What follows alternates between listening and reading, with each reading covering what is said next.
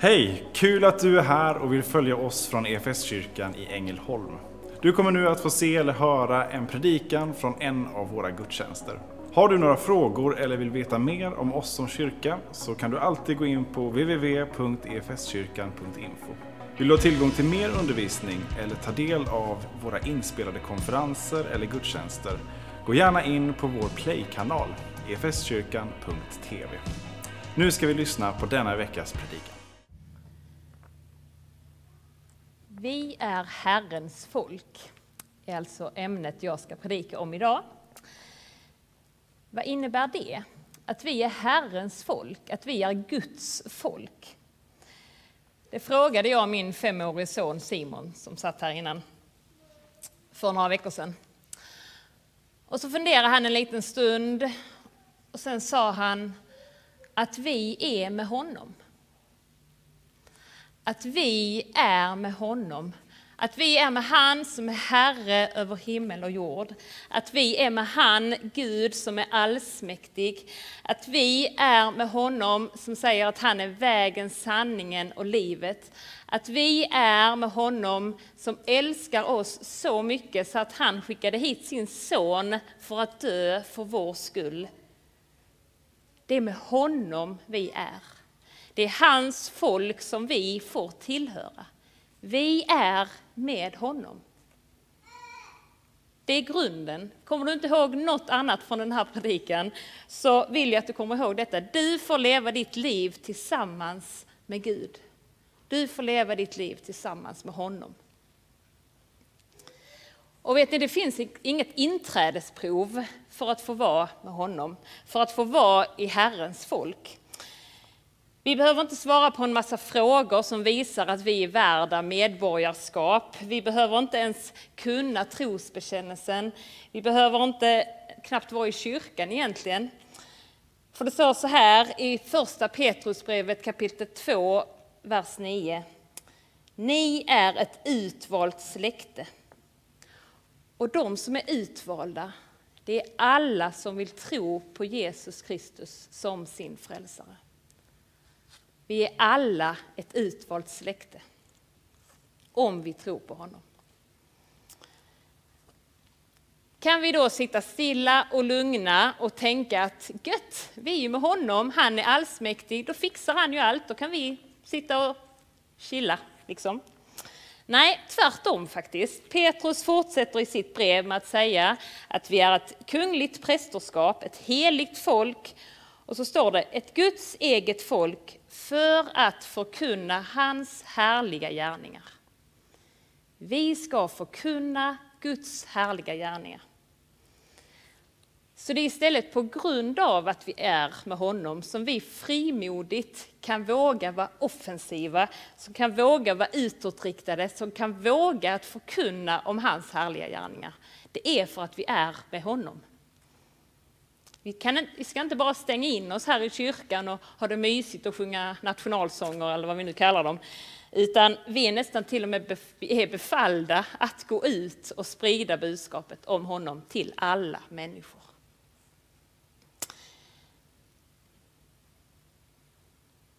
Så när jag började fundera kring detta, att vi är alltså inte ett stillasittande folk. Vi är ett folk som är på väg, på gång. Eh, då, då dök det upp ett antal sånger i mitt huvud. Det är ofta det som dyker upp först när jag börjar tänka på något ämne. Gud, ditt folk är vandringsfolket. Själv du mitt ibland oss går, finns det en psalm som går. I en annan sång så sjunger vi ett enat folk på väg, ett enat folk med samma mål. Och när jag konfirmerades och skulle tåga in i Örklunga kyrka så sjöng vi Villigt kommer ditt folk när du samlar din här. Vi är ett folk på vandring, vi är ett folk på gång liksom. Och Bibeln, om vi läser i Bibeln så är den fylld av massa resor. Guds folk i Bibeln var verkligen på, på vandring, på resa, ute, liksom skickades ut. Abraham var, han var till och med nomad som reste runt, hade inte egentligen något fast boende. Han reste runt. Han var alltid på väg. Eh, hans barnbarn Jakob gjorde många långa resor, både när han var ung och sen när han var gammal, så reste han till Egypten. Eh, Mose vet nog de flesta att han var på en väldigt lång resa Eh, genom öknen. Jona blev skickad ut på resa, profeten. Eh, och sen när Jesus själv kom hit till jorden och kallade sina lärjungar så sa han just de här orden som Kajsa till sist fick ihop. Följ mig. Och sen vandrade de runt i området och förkunnade och berättade om honom.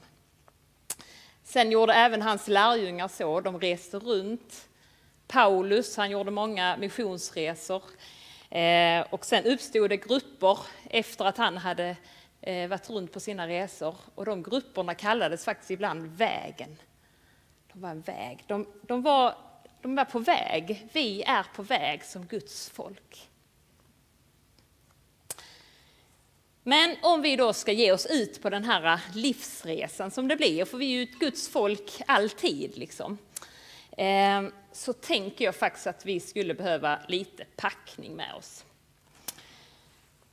Häromveckan så var jag hemma med barnen och de var i full gång med sin rolllek. Det är mycket sånt nu för tiden. Och denna gången så hade de hyrt en stuga. Det var då vårt sovrum, eller snarare vår dubbelsäng. Men den hade de hyrt och de skulle åka dit och de skulle ju då börja packa. Så de tog varsin ryggsäck och så började de packa. Och jag stod lite på avstånd. Man ska helst inte lägga sig i de här lekarna utan man ska bara lyssna lite på avstånd. Så.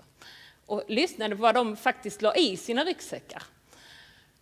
Och när jag sen funderade på den här predikan så insåg jag att ja, det funkade rätt bra på det här också. Så att eh, jag lånade faktiskt med en av deras ryggsäckar. Deras konken. Och så tänkte jag faktiskt att vi skulle se vad, de, vad det var de la ner egentligen.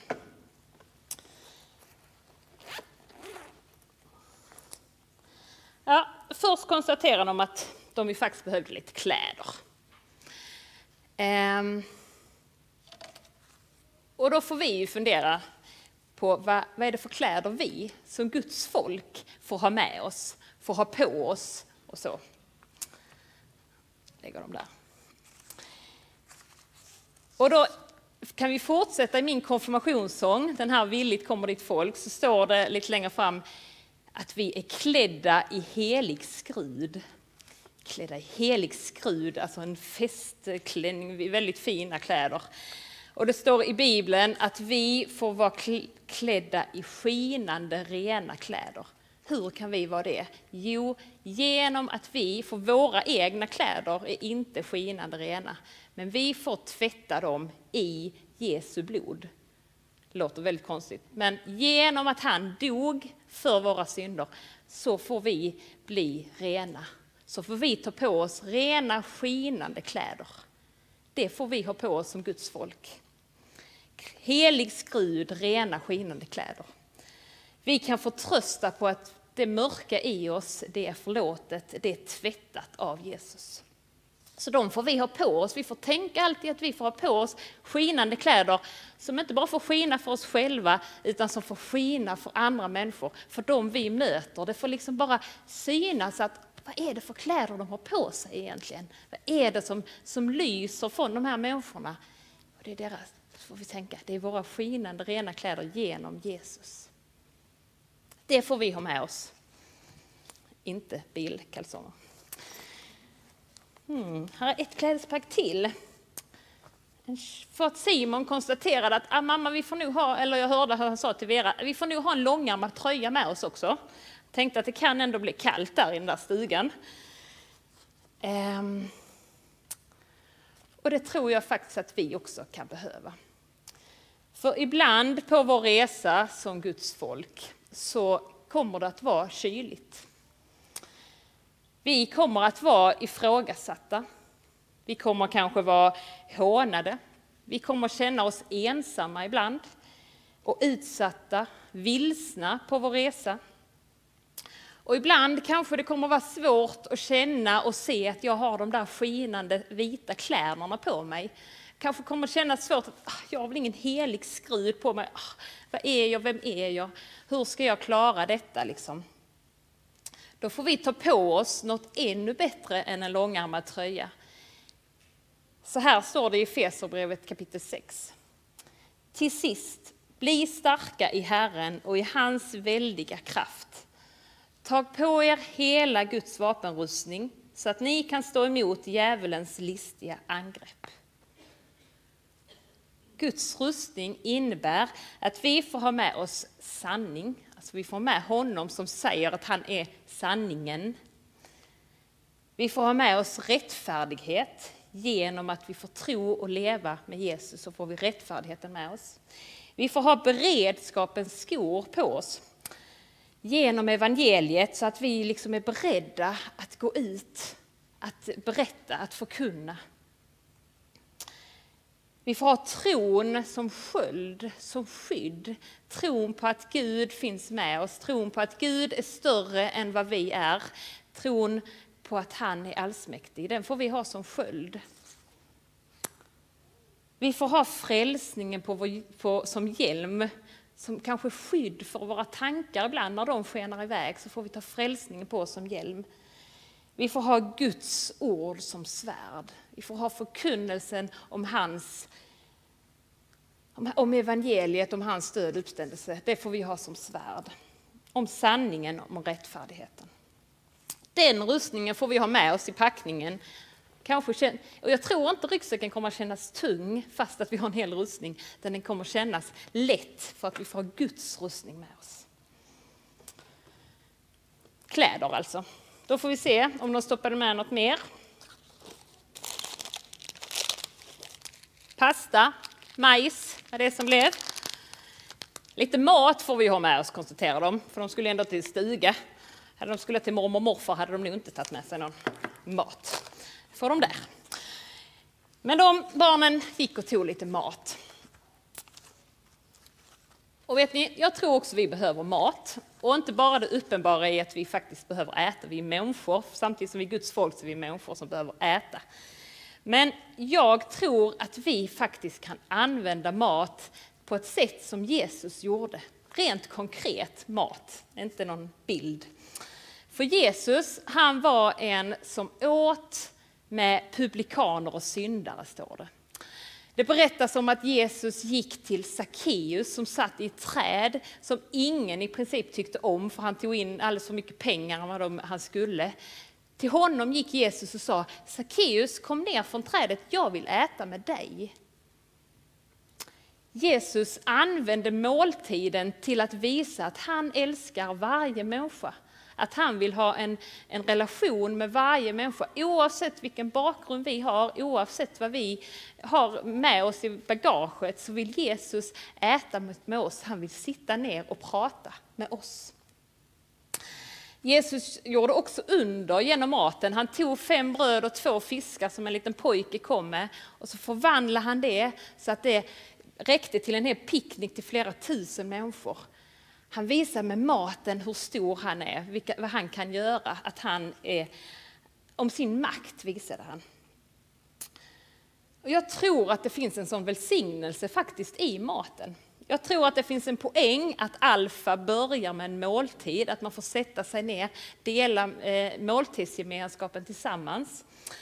Ehm, jag tror också det finns en välsignelse att bjuda grannar eller kollegor eller vem det nu än är på en enkel måltid. En välsignelse i att någon gång kanske bara gå och sätta en gryta köttfärssås på någon stressad barnfamiljs trappa och bara skriva en lapp att varsågoda. Jag tror det finns en välsignelse i att ta sig tid och dricka en kopp kaffe med någon äldre släkting eller vän som skulle uppskatta det så mycket. Jag kan ju också se vilken betydelse det är, finns i, i det utåtriktade arbetet. Jag tänker på pannkakskyrkan. De får gå ut här nere på stan mitt i natten eh, och så får de stå där och så får de dela ut den här pannkakan som är så mycket mer än ägg, mjölk och mjöl, men som är en sån gest i att vi vill ge dig detta för att vi vill på något sätt visa Jesu kärlek. Vi vill ge den vidare till dig. Och så kanske den här pannkakan inte bara får mätta för stunden utan den kan få leda till ett samtal, till förbön, till nyfikenhet på vad är det de här människorna håller på med egentligen? Varför gör de detta mot mig? Vad, vad är det de har som inte jag har, som jag kanske vill ha? Och man får se kyrkor också i Klara kyrka har fått gå ut på Stockholms gator och dela ut soppa och bröd och kaffe och att det har varit, fått vara en sån välsignelse. Så jag tror att maten verkligen kan få vara ett vittnesbörd om Jesus. Eh, en, en chans att, att berätta om honom. Men också Jesus använde det, det sista han gjorde nästan, innan han gick för att, mot döden, så samlade han sina lärjungar till en måltid. Och då delade han inte med sig av vad som helst, utan han delade med sig av sig själv. Han instiftade nattvarden. Han, sa, han tog ett bröd och sa, tag och ät, detta är min kropp. Och sen sa, tog han vinet och sa, drick av den alla, detta är mitt blod. Och det får vi också ta del av. Vi får stanna till på vår resa, så får vi ta en liten rastplats, böja oss, eh, samlas inför korset, böja oss ner på knä kanske, och så får vi ta emot den måltiden som Jesus själv har instiftat. Vi får ta emot honom själv. Och jag tycker egentligen om altarring, fast att vi inte har det här, så tycker jag egentligen om altarringen som tanke att här är en halv, i kyrkor är det en halv ring här som vi får böja knä vid. Och så resten, andra halvan, finns i himlen. De människorna, de, de av Guds folk som redan finns hos Jesus, de böjer knä där inför hans tron och så får vi tillsammans ta del av hans död och uppståndelse.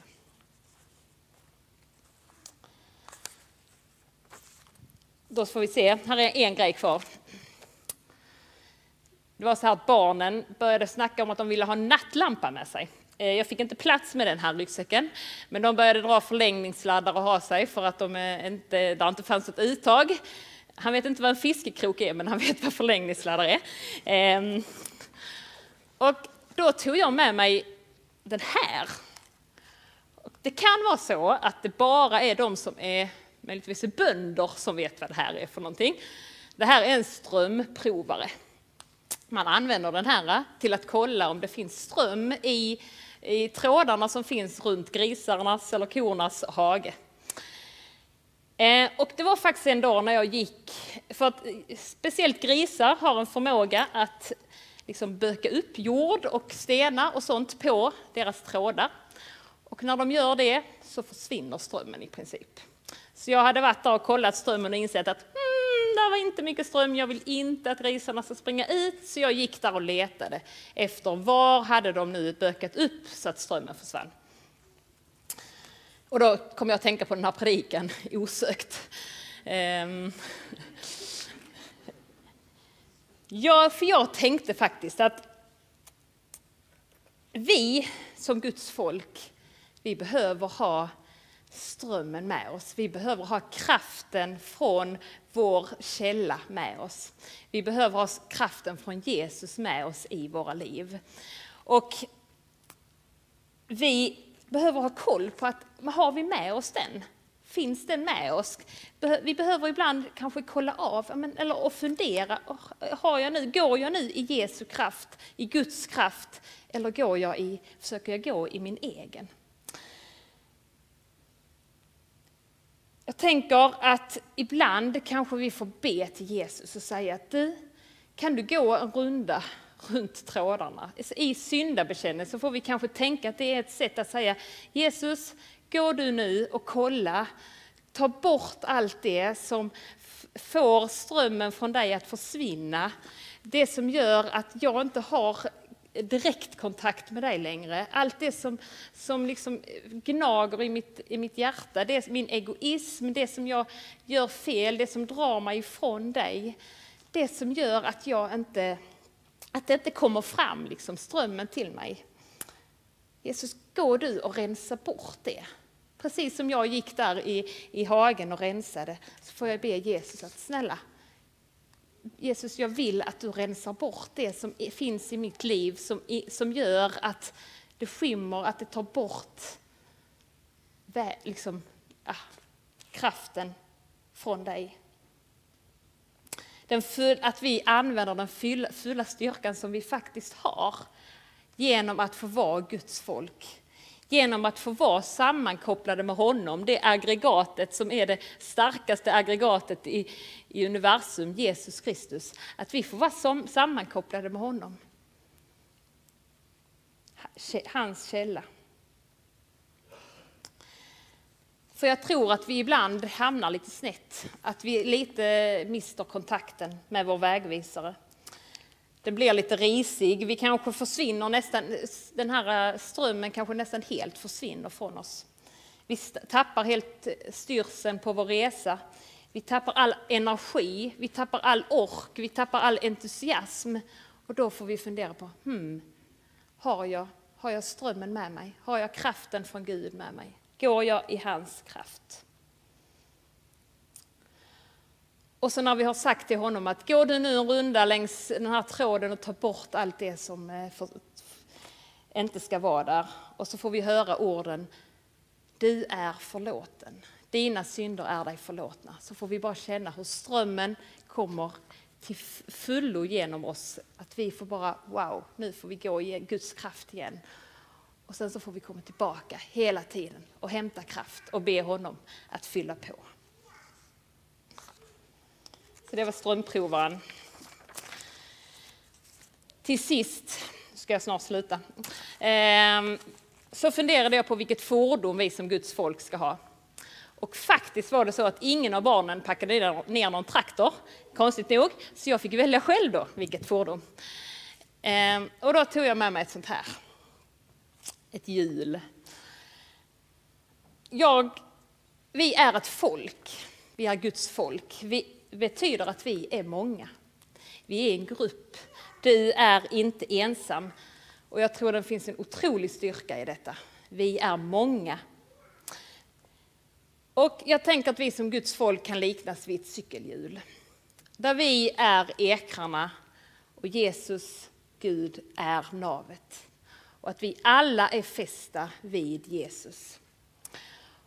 Och för att det här ska funka optimalt så måste alla, vara, alla ekrarna vara hela. Och alla måste absolut vara fästa vid i navet.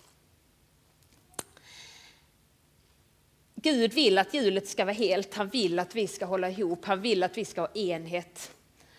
Och jag tror absolut att det finns en poäng med att vi är just ett folk att vi inte är ensamma.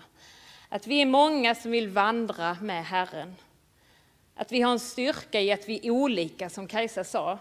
Att vi kan komplettera varandra, att vi kan stötta och bära varandra när det behövs. Men också visa världen att vi är många, att vi är ett Guds folk som vill förkunna hans härliga gärningar. Och för att fler också ska förstå att de är ett utvalt släkte.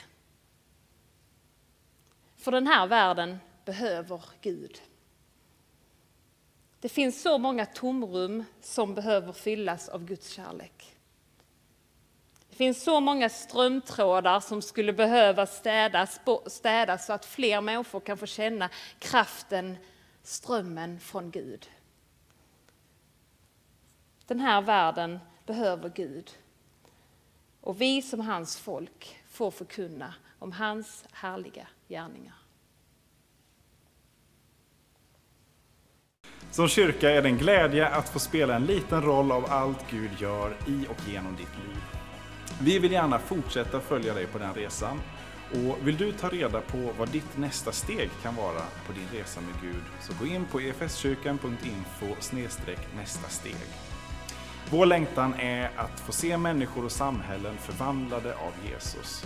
Genom en kyrka som återspeglar Guds hjärta, bär varandra och betjänar människor varhelst vi befinner oss varje dag.